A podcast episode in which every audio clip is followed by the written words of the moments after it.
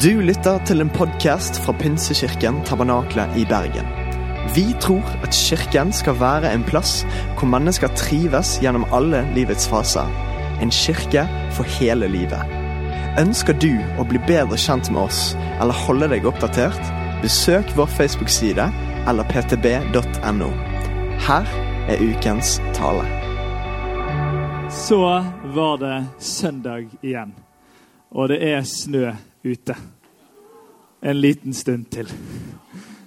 Det har vært en, eh, en bønnekamp holdt jeg på å si, i vårt hjem, dette med snø. Fordi at vi bor et sted nå der vi har verdens beste akebakke rett utenfor huset. Og så har det ikke vært snø ennå. Og En dag vi våknet, så var det snø. Og så sa Alfred 'Det er snø ute, pappa'. Og så sa jeg ja, vi må be om at den snøen er der når vi kommer hjem igjen fra barnehagen òg, sånn at vi får akt litt. Grann.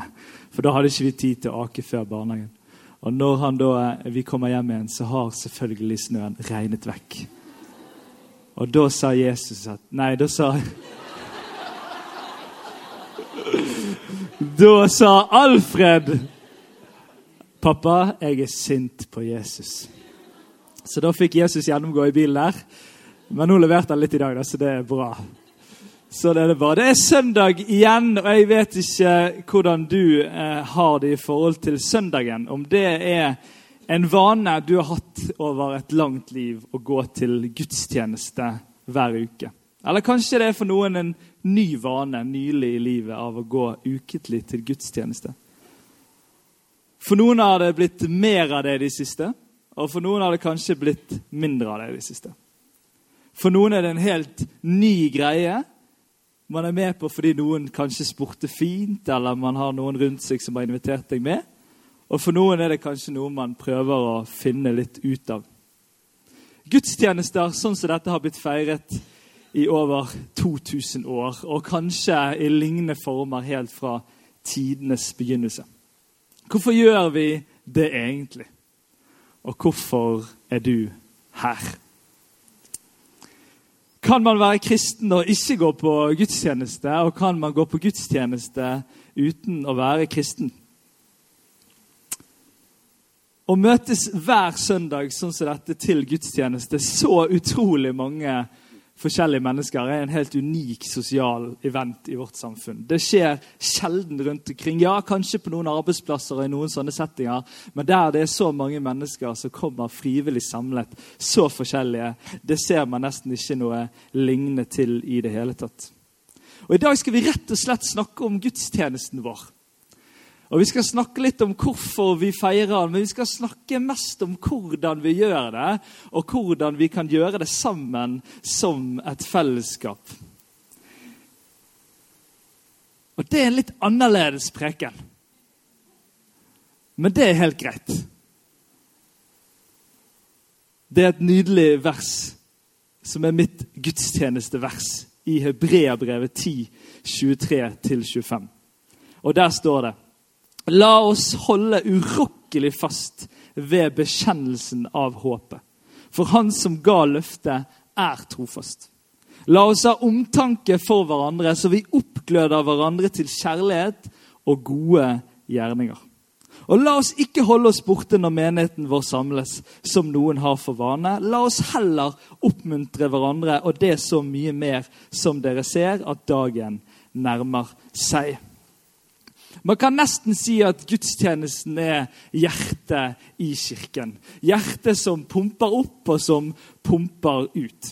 Og der jeg tror at Når vi sammen får holde urokkelig fast på håpet, troen, det som vi lever på, det som er så annerledes enn det som verden rundt gir, det som vi står sammen om her i denne kirken Når vi får mat til den troen, eller får oppbyggelse til den troen, så pumpes vi opp. Når det sies sannheter om hvem du er, og hvem vi er, så bygges jeg opp som menneske. og jeg bygges opp i mitt indre, og jeg kjenner at jeg blir oppbygd i dette fellesskapet som gudstjenestene. Sånn skal det være når vi samles. Og En måte å bli bygd opp på er å få lov til å sette våre øyne på Han som er trofast. Få lov til å legge fokuset på Han, og det er det vi gjør når vi har gudstjeneste.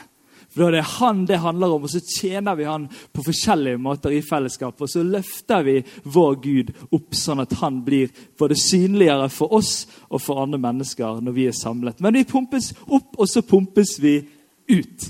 Og det vil si at Dette skal være en plass der jeg pumpes opp til å pumpes ut i den hverdagen som jeg lever i. Der jeg blir oppglødet i kjærlighet til gode gjerninger. Der jeg kjenner at jeg har lyst til at denne søndagen skal ha en forskjell i mitt liv for hvordan jeg lever mandagen min. Der jeg opplever at søndagen preger den uken som kommer, og der jeg blir pumpet ut av dette fellesskapet sammen med alle oss andre til de forskjellige hverdagene som vi lever. Sånn er Kirken en enorm innflytelsesrik forsamling eller fellesskap som er der ute i så mange forskjellige hverdager som dere representerer her inne. Vi pumpes opp, og vi pumpes ut. Og vi bygger hverandre opp i fellesskapet når vi er samlet. Og så er det det at vi skal være samlet. Det er den enheten av å få lov til å være sammen, alle sammen. Det å få lov til å stå sammen og kjenne at vi er ett, vi er en enhet. Selv om vi møtes òg i kirkesammenheng i andre deler av uken på forskjellige dager, så samles vi til søndagen og sier her er vi, vi står sammen. Vi er alle sammen. Og det er så nydelig når det står de var alle samlet på ett sted før Den hellige ånd kommer. Og Da er det sånn at vi er samlet, og det skal vi være. Hvorfor vi feirer gudstjeneste, tror du merker litt hver gudstjeneste. Vi er opptatt av å fortelle det, hvorfor vi gjør ting, og hva som er hensikten bak det. Men det er ikke så veldig ofte vi snakker om hvordan vi går igjennom en gudstjeneste. Og hvordan vi er sammen i en gudstjeneste. Og Det er det jeg skal bruke litt tid på her i dag. Hvordan ønsker vi at gudstjenesten skal være, og hvordan bygger vi mest mulig oppunder hvorfor med hvordan vi er sammen som fellesskap? For det Kirken er ikke det som skjer her framme, eller noen som jobber på et kontor. Det er alle menneskene som er samlet her, og som er samlet i denne kirken jevnlig. Det er det som er Kirken. Og For å gå inn i dette så må jeg ta dere med på en tur. Eh, eh, når jeg vokste opp, så har vi, jeg vokst opp i nærheten av en skog. Eh, og Denne skogen har jeg gått masse tur i hele oppveksten. Eh, og når vi gikk på de turene, så hadde vi ikke noe spesielt formål med turen uten å være ute i skog og mark, og det var veldig veldig kjekt. Eh, og det som skjer plutselig, er at når jeg, når jeg liksom eh, treffer min kone og begynner å gå på de samme turene med henne, så spesielt på høsten så blir disse turene helt annerledes. Fordi hun sier at se her, her er en kantarell. Det er en sopp. Den kan vi spise til middag etterpå. Så sier jeg, sier, har den vært der hele min oppvekst? Uten at jeg visste det. For jeg er vokst opp med en mor som, som har hørt at noen sopper er giftige. Og det er helt riktig, folkens. Hvorfor har det klart? Og derfor, siden at noen sopper var giftige, så har hun tenkt at da holder vi oss unna alle sammen. Det er jo noe klokt i det. Jeg er enig. Jeg er enig. Men min kones familie de har lært seg hvilke sopper man kan plukke. Og dermed så plutselig gikk jeg på samme turen, og jeg kom hjem igjen med en hel middag nesten. Det var helt utrolig. Og plutselig skjønte jeg at den skogen rett bak huset vårt var en kjempebra, kjempebra eh, soppskog. Men det bare ble sånn i vår familie. Vi visste ikke om det, vi lærte ikke om det, og så ble det bare sånn. Og der, Derfor så var vi ikke en familie som fikk lov til å spise sånn sopp. Men så byttet jeg ut kvinne i mitt liv, mamma, med en annen kvinne i mitt liv. Og da fikk jeg liksom en ny verden. Og det jeg lærte, det var at selvfølgelig noen sopper kan man spise. sant? Kantarell, eh, du har liksom skrubben, sånn brunskrubb, rødskrubb, og så har du steinsoppen, den er kjempegod. Piggsoppen er kjempebra. Og så er det noen du må holde deg unna. sant? Du vet denne fluesoppen som man tror er bra i, Super Mario, men som ikke er det. Og så har du noen flere fotsopp, må du holde deg unna. Jeg bare tuller. Og så, du har noen sånne sopper du ikke skal spise. Eh, og så lærer du det. Og det som er veldig interessant, det er at noen av soppene man kan spise de har noen giftige dobbeltgjengere. Og Det er liksom det som gjør det litt tricky. Det betyr at, at, at, at uh, en soppen som kan ligne på den som er veldig god, men han, enten så kan han være giftig, eller han bare smaker litt dårlig. En gang så visste vi at dobbeltgjengere bare smakte dårlig, så vi tok en sjanse. Og det var ikke godt, for da hadde vi endt på dobbeltgjengeren av soppen. Men vi visste at den ikke var giftig. da. Men sånn er det. Og dette bildet her har jeg lyst til å vise for jeg tror ganske mange kirker bare ender opp med å ikke ha denne samtalen vi skal ha nå. Fordi at man har hørt at det kan skje litt dumme ting når man holder en sånn samtale. Samtalen som vi skal ha nå er litt annerledes enn vanlig eh, forkynnelse. Eh, litt annerledes enn det man pleier å gjøre sammen. Og man har hørt litt rykter om at ja, men kanskje det blir litt for praktisk, og kanskje det blir litt for styrende, eller skal ikke ting liksom bare legges til rette? og Er det noe åndelig det vi skal gjøre nå? Og så har man liksom bare blitt sånn for man har holdt seg vekke fordi man har hørt om noen sånne litt sånn giftige sider eller dårlig smak sider av det. Sånn som min familie vokste opp med i forhold til sopp.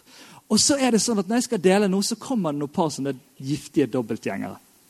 Sant? Det kommer det sånn Der jeg sier noe, og så ender det opp med å høre bare litt annerledes, og så ender det opp med noe helt annet enn det som jeg egentlig prøvde å si. Og Derfor skal jeg prøve å avsløre noen av disse dobbeltgjengerne når vi nå går igjennom uh, gudstjenesten vår, sånn at du ikke, ikke blir liksom uh, helt uh, villedet her. Men samtidig så må du være veldig på. Sånn at ikke du hører noe annet enn det jeg sier, eller hører noe annet enn det som er ønsket og hensikten med det som sies. For ellers kan man plutselig ende opp med noe helt annet. og Det kan enten smake ganske dårlig, eller det kan også være noe som kan bryte ned og ikke er bra for fellesskapet vårt. Er dere med? Så vi skal på sopptur i gudstjenesten her og nå. Er dere klare? Ok. Paulus gjør dette med menigheten i Korint. Eh, der, der, skriver han inn i en menighet som har en del utfordringer knyttet til hvordan man skal håndtere de åndelige gavene i gudstjenesten. Det er en ganske sterk åndelig menighet, og de har noen utfordringer. Og så skriver han rett og slett bare sånn Hei, når dere skal er samlet, så må dere passe på at dere gjør sånn og ikke sånn. Og så gir han noen sånne rettledninger i forhold til hvordan man skal være sammen i en gudstjeneste. Hvordan man skal være sammen i fellesskapet. Og De tingene han tar opp, er knyttet til den menigheten og de tingene den menigheten hadde utfordringer med på den tiden. Eh, og, men det som man kan gjøre er å trekke ut noen prinsipper. Hva er det han egentlig tar utgangspunkt i når han korrigerer denne forsamlingen i Korint? Da er det for eksempel, Han tar veldig tydelig at alt som skal skje i gudstjenesten, skal være til oppbyggelse. Det skal bygge opp. Det er en av grunntingene han er med og sier. Nei, det skal være til oppbyggelse for alle. Det skal ikke bare være én som får noe bra, som alle andre ser på. Det skal være til oppbyggelse for hele menigheten, det som skjer. Og så skal det være en viss orden.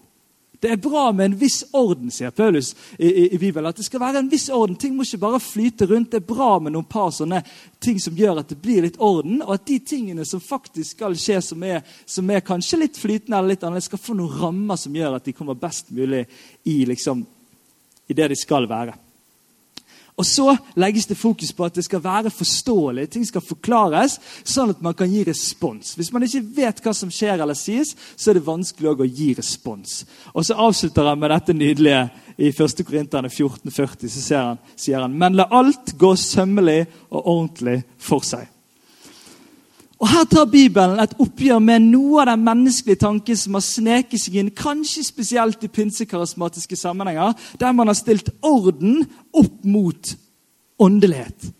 Der man har sagt at blir det for mye orden, der man kanskje har sett noen av kirkesamfunnene i vårt land bli for mye orden eller for mye rekkefølger og ting som skal sies hver gang, så ender man, ender man opp med å liksom motreagere litt på det. Og så blir, man, skal alt liksom bare bli til som at det blir til, og så er det det åndelige.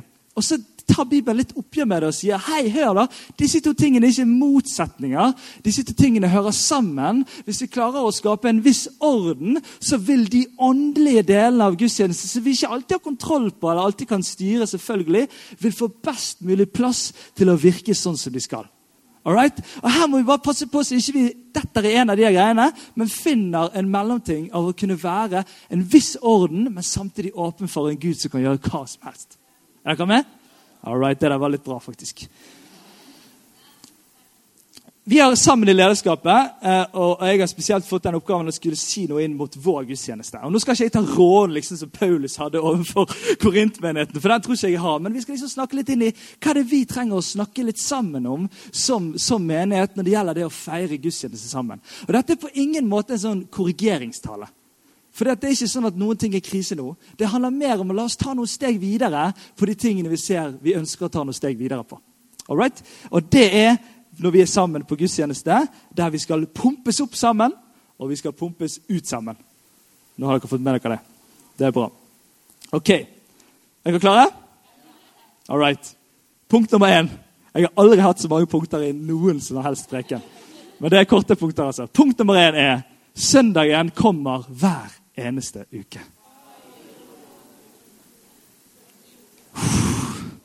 Ikke gå glipp av en gudstjeneste, ikke la en gudstjeneste gå glipp av deg. Ikke gå glipp av en gudstjeneste, og ikke la en gudstjeneste gå glipp av deg. Vi tror at vi går sammen som kristne når vi feirer gudstjeneste sammen. Vi tror at vi er på en sammen på en reise, vi er sammen i en retning. og Da trenger vi å være sammen, sånn at vi dras i den samme retningen inn i de forskjellige hverdagslivene som vi lever. Ikke gå glipp av en gudstjeneste. Går du glipp av en fordi det er noe selvfølgelig som av og til skjer at man kan ikke komme, hør podkast eller hør med noen. Hva snakket de om? Hva skjedde? Sånn at du er påkoblet og ikke mister det som skjedde en søndag. Og ikke la gudstjenesten gå glipp av deg. Du er så viktig. Det er så viktig at hele menigheten er samlet når man er samlet. Ikke la mennesker her gå glipp av at du er en del av fellesskapet med den måten du kan være med og bidra på.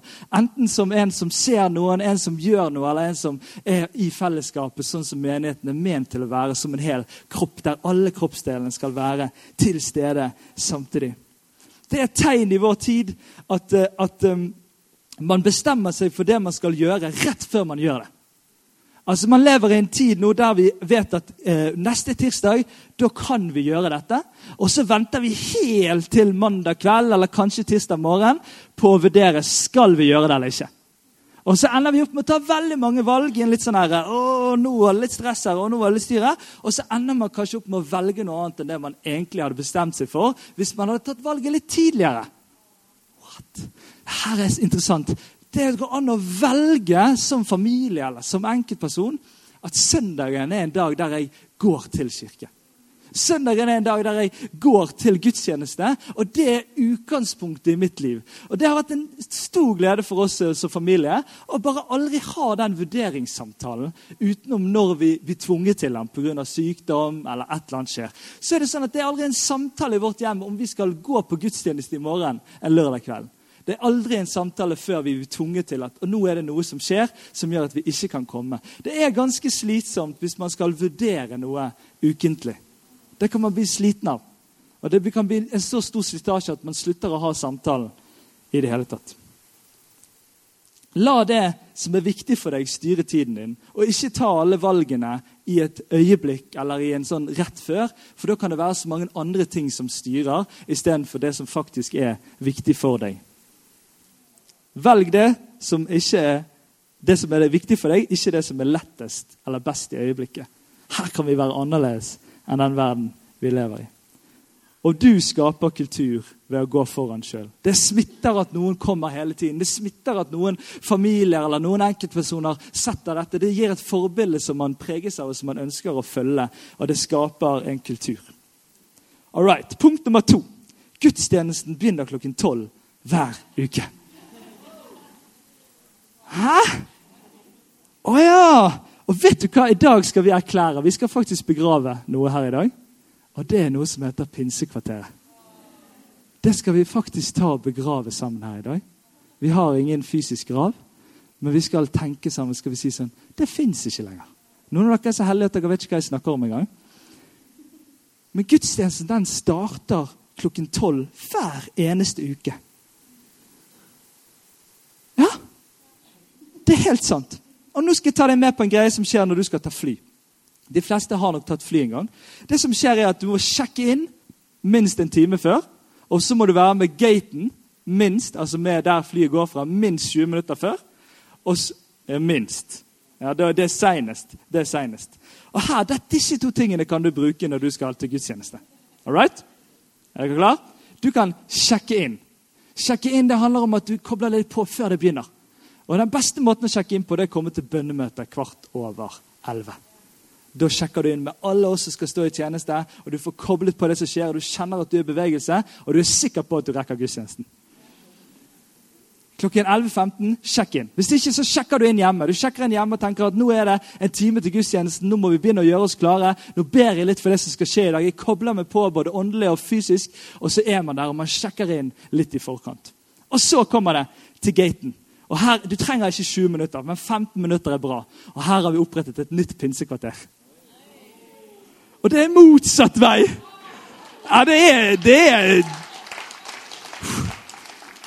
Du kommer et kvarter før gudstjenesten begynner fordi at du vet at det er så viktig å være i dette rommet og skape ro i dette rommet før gudstjenesten begynner. Du får mulighet til å snakke med noen, du får mulighet til å se noen, du får muligheten til å være i gang, og så får du muligheten til å finne plassen din før vi tar av.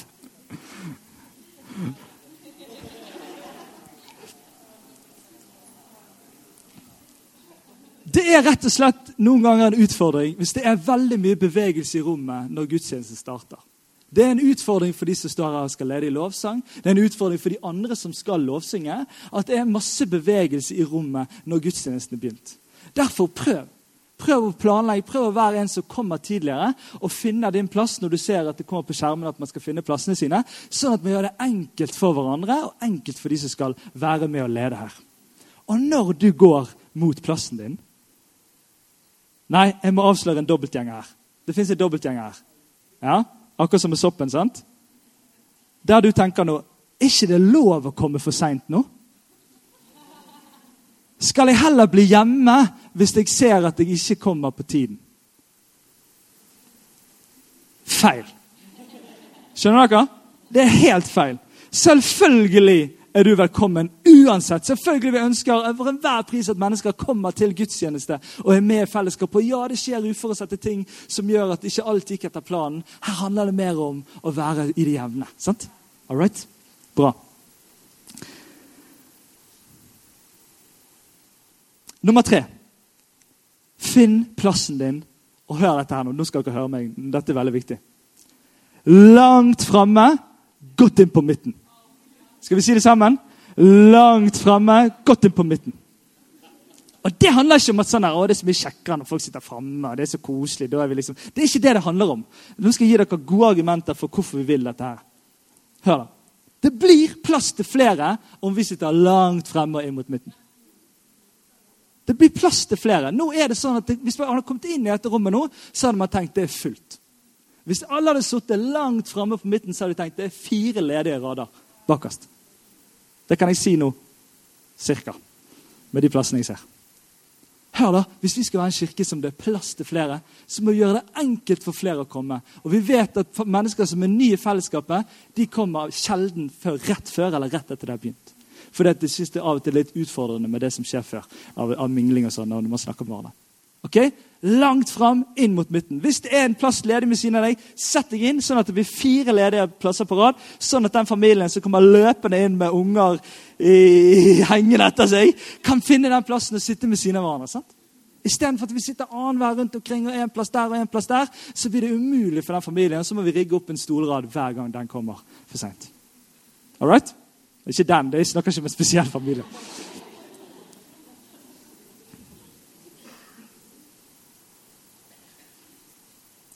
Og det blir mindre bevegelse i rommet hvis vi kan bare fylle opp de siste radene med de som kommer litt for seint. Det blir bedre for alle sammen. Det er ikke noe farlig å sitte her framme. Vi sitter her med ungene våre, for vi merker de følger bedre med. og Det gjør Kjell og Elise der på andre rad også, Fordi de merker at ungene følger bedre med når vi sitter langt framme. Det er noe positivt å sitte der framme. Selvfølgelig har du en grunn for at du må sitte bak. Helt, det bare, handler bare om å tenke over den grunnen, og om den er viktig. Isteden kom du fram. Fram og i midten. Da blir det bedre for alle. All right. Nummer fire. Dere, følger dere med meg nå, eller? Det er litt annerledes. Jeg skjønner det, altså. Men uh, Paulus gjorde det òg. Når du kommer til gudstjenesten og har funnet plassen din, så har du allerede møtt mange mennesker som har vært oppe én til to timer tidligere enn deg. Eller ikke oppe, kanskje, men har kommet her til dette rommet én til to timer tidligere enn deg for å dekke på og gjøre klart i stand til det måltidet som du får lov til å være med på med gudstjenesten. Det betyr at jeg har lyst til å utfordre deg til å tenke hvordan kan jeg være med og bidra til dette fantastiske måltidet? Hvordan kan jeg, med den livssituasjonen jeg er i, hvordan kan jeg være med og bidra i den tiden av livet mitt nå? Til at dette blir noe som mange er med og forbereder, noe som mange er med og serverer, og noe som mange er med og rydder opp etterpå. Sånn er det hver gang man skal ha besøk hjemme. Man må klargjøre maten, gjøre i stand litt på forhånd. Så kommer gjestene inn, og så serverer man maten, og så spiser man sammen, og så må man rydde opp etterpå. Dette er vårt hjem, folkens. Det er ikke noen sitt hjem. Det er alle vårt hjem. La oss tenke på hvordan kan man være med og bidra. Hvis ikke mennesker gjør dette, så skjer ikke gudstjenesten. Det er realiteten. Realiteten er at Hvis ikke mennesker velger å stille opp og gjøre, gi av sin tid og sine krefter, så skjer det ikke. Det er realiteten. Vi trenger å stå sammen i dette, sånn at vi bærer sterkt sammen og bærer noe alle sammen, sånn at ingen må bære for tungt. Jo større menighet, jo større behov. Det er ikke sånn at når forsamlingen er stor, så trengs ikke du. Hvis forsamlingen er stor, så trengs du i alle fall. Jo større menighet, jo større behov for å stå sammen, jo større fare for at enkeltpersoner knekker av byrden av å bære alene. La oss gå dette inn i dette på en god måte og kjenne på hva kan jeg være med og bidra med i den delen av livet som jeg er i akkurat nå. Her er det òg en dobbeltgjenger. Ikke er jeg velkommen om jeg ikke tjener, da? Jo, det er du. Du er alltid velkommen.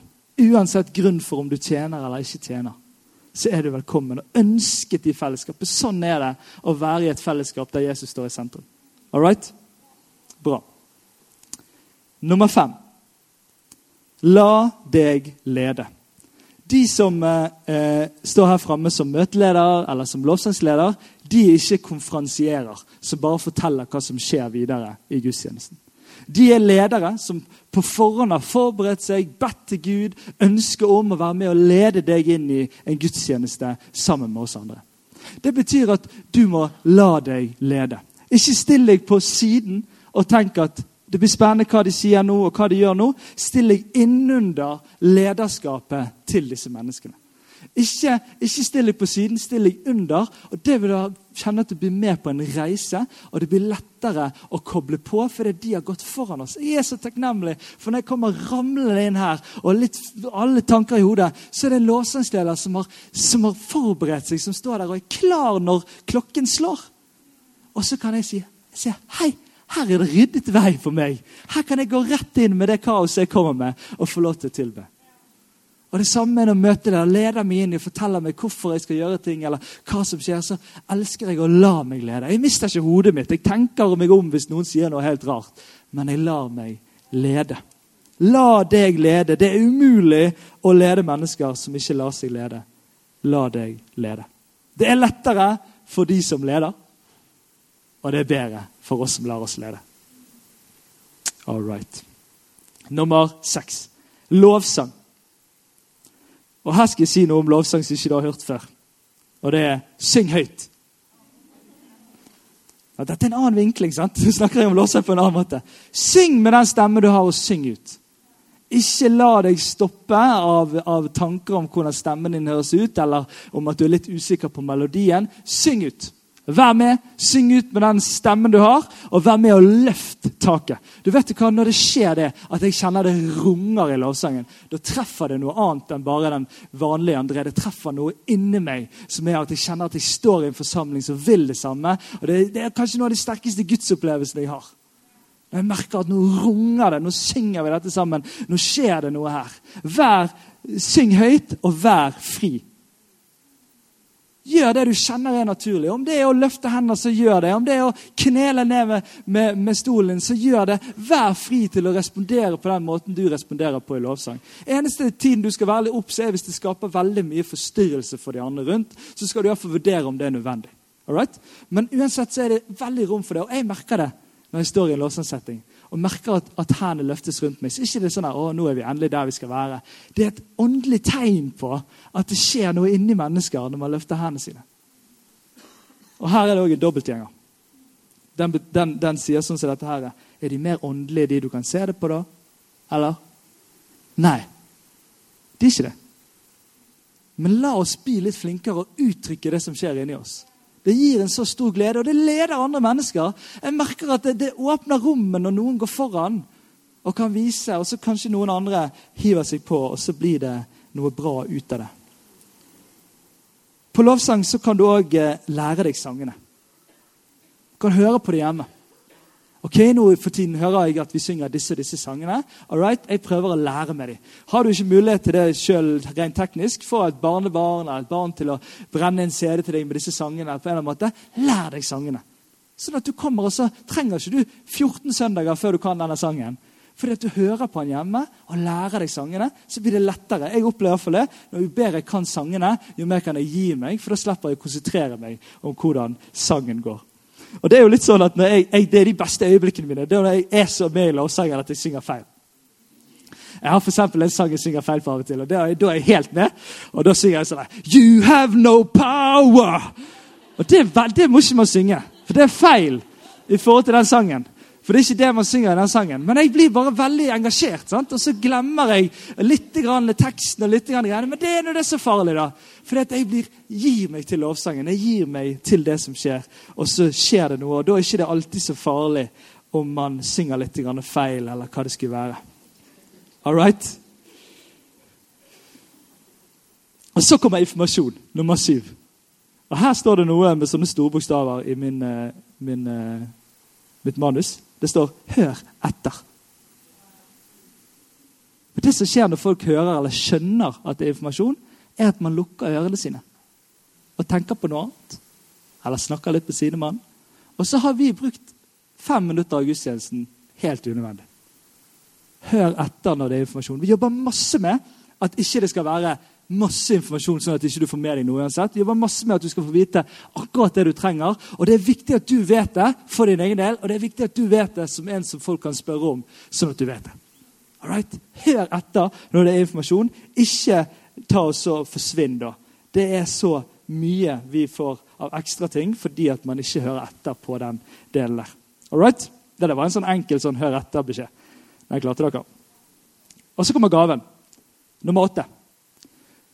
Og Det er en fin balanse mellom at vi har muligheten til å tenke over, be over hva som vi skal gi. Det er en slags tilbedelse, det som skjer der. Samtidig som at det er også en rom til å kunne snakke med de rundt hverandre.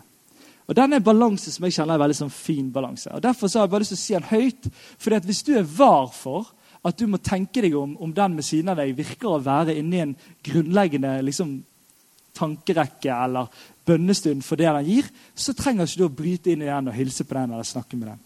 Men du, siden du har tenkt deg om på det, så kan det være du klarer å lese det litt forskjellig. når det er i den fasen. For Det er helt klart at det er flott at man kan få noen gode hender å hilse på i den perioden, og kunne snakke litt sammen i den perioden. Men la oss finne denne balansen av at vi respekterer at det er en stund for å gi, samtidig som at det er rom for å prate sammen på en god måte midt i gudstjenesten. Skjønte dere den balansen? Han er, litt, han er litt vanskelig, så jeg har ikke liksom en fasit på det. Men jeg tror at hvis vi vet om det, så har vi lettere for å manøvrere i det. Og så kommer barnekirken. Nå går det på høyspeed der. kommer barnekirkeintroen, Og det er ikke en pause, men en viktig del av gudstjenesten. Det er en viktig del av gudstjenesten der vi løfter opp barna. Barna skal merke det fra Ida eller en annen kommer utpå her, at vi heier på barna. Vi klapper for det som skjer. Vi viser at vi bryr oss om barna, at de skal ha det godt i dette fellesskapet helt fra starten av. Bruk den muligheten der, og vær på. Hør etter hva de sier de skal snakke om i gudstjenesten. Hvis du er besteforeldre, eller hvis du er eh, mor eller far, eller en som står nær på et barn, sånn at du kan bruke den praten når dere kommer til middagsbordet. Ja, jeg hørte dere skulle snakke om vennskap i barnekirken i dag.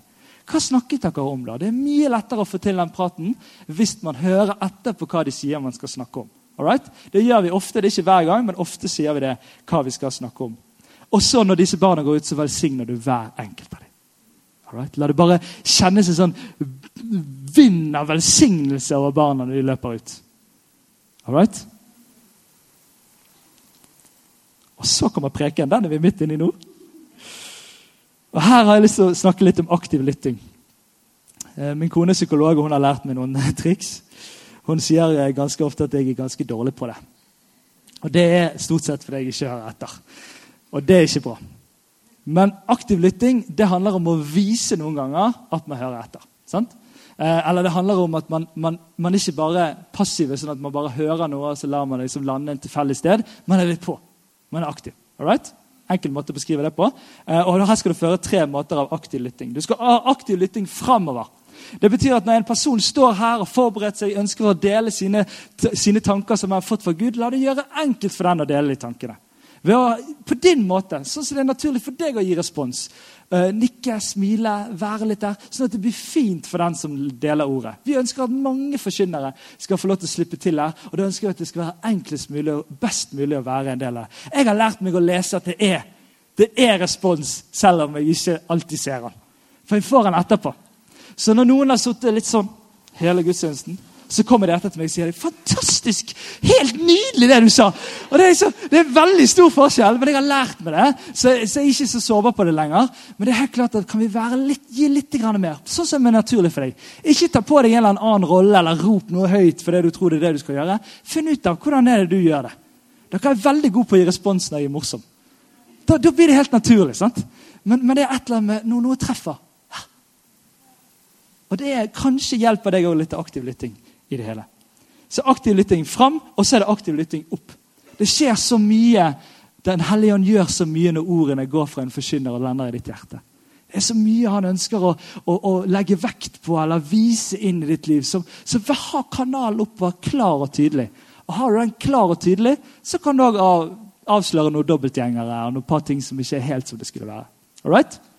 Og så er du òg aktiv innover. Der forkynnelsen treffer ditt liv, og du stiller spørsmålet hva betyr dette for meg i dag? Hva betyr det for min sønn, nei, mandag, og tirsdag og onsdag? Hva skal dette forandre? Hva skal dette legge riktig på plass inni mitt hjerte? Gå innover i deg sjøl. God forkynnelse, ikke undring eller å, det var spennende, han tok en ny vinkel på den historien som jeg har hørt før. Det er ikke god forkynnelse. Ja, det kan være en del av det, men god forkynnelse forandrer mennesker. For det Guds ord treffer dem, og så det, skjer det en forandring til det bedre for de menneskene og for de menneskene som lever rundt dem. La det bli en respons innover som fører til en utover-respons i din hverdag. Og så kommer frelsesinnbydelsen. Ha forventning om at det skal komme hender. Hele tiden. Hele året. Be om at mennesker som er på en reise mot tro, skal få frimodighet til å løfte hånden sin. hvis det er det de skal gjøre. Be for de menneskene rundt deg som ikke kjenner Jesus, når vi har frelsesinnbydelse. Om at det valget skal tas der de er alene, eller de skal få muligheten til å gjøre det. La oss sammen som menighet lengte etter å bruke den delen av gudstjenesten når vi har frelsesinnbydelse, til å lengte og få mat i hjertet til å ville se mennesker komme til tro. Ikke se hvis vi sier at man ikke skal se på frelsesinnbydelsen. Det kan diskuteres om man skal si det eller ikke, men hvis det sies fra scenen, så ber jeg deg om å respektere det, sånn at ikke noen opplever mistillit hvis de tar opp hånden og ser at noen ser i salen. Så Hvis det sies fra, fra møtelederen, så ber jeg om at man følger det, for at vi kan bygge tillit i forhold til de menneskene som tar opp hånden. Forbønn. Bruk det. Det er ikke noe som vi har der bare for å ha det der. Det er til for deg og de tingene som berører deg og de tingene som preger deg. Bruk den muligheten, og ikke la deg stoppe av menneskefrykt eller noe annet. Når vi handler på et budskap eller noe som Gud sier til oss, f.eks. ved å gå til forbønn, så gir det ofte bedre grobunn for at den handling, den, det som traff deg, blir en varig endring eller får konsekvenser i livet ditt. Vi ønsker at folk skal komme med budskap fra Gud i vår gudstjeneste. Vi tror det skjer på, uh, i lovsangen, vi tror det skjer i, i, møteledelsen, vi tror det skjer i forkynnelsen. Men vi tror òg det kan skje gjennom mennesker i salen som får et budskap fra Gud som de skal dele. Når det skjer, så ønsker vi at det skal få de best mulige rammene for at folk får høre, og at det budskapet kommer fram.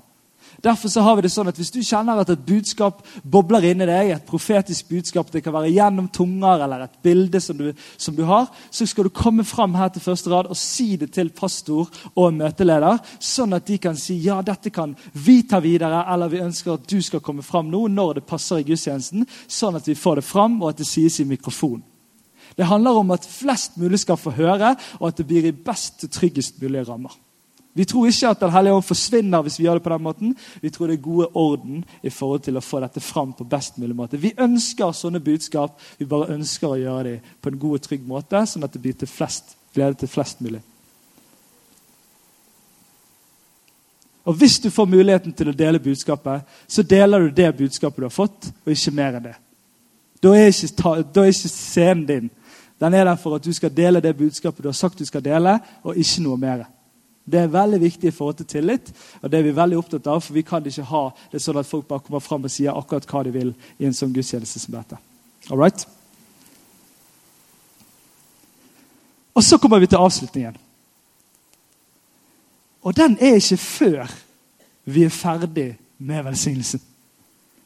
Det betyr at når møteleder fortsetter å la deg lede selv om du skjønner at det går med slutten. Veldig ofte så leder møtelederen deg inn mot den hverdagen du skal i. Da ber en bønn for eksempel, inn mot den hverdagen du lever i, de menneskene som du eh, har rundt deg som ikke kjenner Jesus. Vær, vær, en del av det fortsatt, selv om avslutningen. Det er veldig ofte sånn at Når man går mot landing, så lander veldig mange før de egentlig har landet. Og Sånn kan det fort bli i en gudstjeneste. La oss ikke lande før vi er ferdig. Ikke ta på deg jakken før, Guds, før velsignelsen er over og møteleder har sagt takk for i dag. Tar du på deg jakken, så, så, signaliserer du til de andre at nå er det over. Og så mister vi den delen av gudstjenesten som er så viktig av å kjenne at jeg blir pumpet ut i den hverdagen. Jeg får med meg Guds velsignelse. Blir minnet om at han ser på meg, og han elsker meg, han vil det beste for meg. Ikke mist den delen av gudstjenesten. Selvfølgelig har du en buss å rekke, så må du bare løpe. altså. Det er lov. Men prøv å finne det at la oss lande når vi skal lande. Og Det fine er at vi egentlig ikke lander helt, fordi vi går inn i fellesskapet av kirkekaffe der bak. Der vi snakker med hverandre, der vi snakker med noen som vi ikke har snakket med så mye før. Der vi utvider hjertet vårt og vi ikke bare søker de som vi kjenner godt, men vi snakker med alle sånn at vi blir inkluderende. Det er sånn man blir inkluderende som fellesskap. At alle tenker på den måten. Og så drar man mennesker inn i fellesskapet med hverandre. All right? Det er helt nydelig å se det når det er sånne hilserunder i kirkekaffen. Fordi at man snakker med mennesker man ikke har hilst på før. Vi skal avslutte nå, og låsingsteamet kan komme fram. Du skal få lov til å reise deg hvis du, hvis du er med på det og har mulighet til det.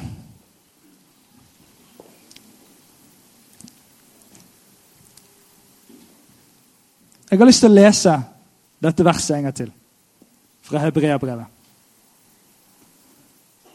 La oss holde urokkelig fast ved bekjennelsen av håpet. For Han som ga løftet, er trofast. La oss ha omtanke for hverandre, så vi oppgløder hverandre til kjærlighet og gode gjerninger. Og la oss ikke holde oss borte når menigheten vår samles, som noen har for vane. La oss heller oppmuntre hverandre, og det er så mye mer som dere ser at dagen nærmer seg. La oss sammen bli pumpet opp av Guds sannheter av Guds ord som aldri vender tommen tilbake. Av det som, som, gjør at noe av vårt indre forvandles til noe av det som Gud ønsker å se i livet vårt og gjennom livet vårt. Og la oss sammen pumpes ut til å leve det livet i de hverdagene som det kommer så mange flere av enn de søndagene. La oss sammen være en sånn kirke. La oss sammen være et sånt gudstjenestefellesskap. Vis det på utsiden når noe treffer deg, når noe preger deg. La oss sammen få lov til å være i dette og se det i hverandre. Det gjør noe med oss. Og la oss feire gudstjeneste hver søndag sammen. Takk, gode Gud, for at du er verdt å feire. Minst én gang i uken. Takk, Gud, for at vi får muligheten til det i dette fellesskapet. her. Takk for hver enkelt. Takk for dette gode fellesskapet som jeg får lov til å være en del av. her. Og Jeg bare ber om at vi skal være sånn, et sånt fellesskap som sammen pumpes ut.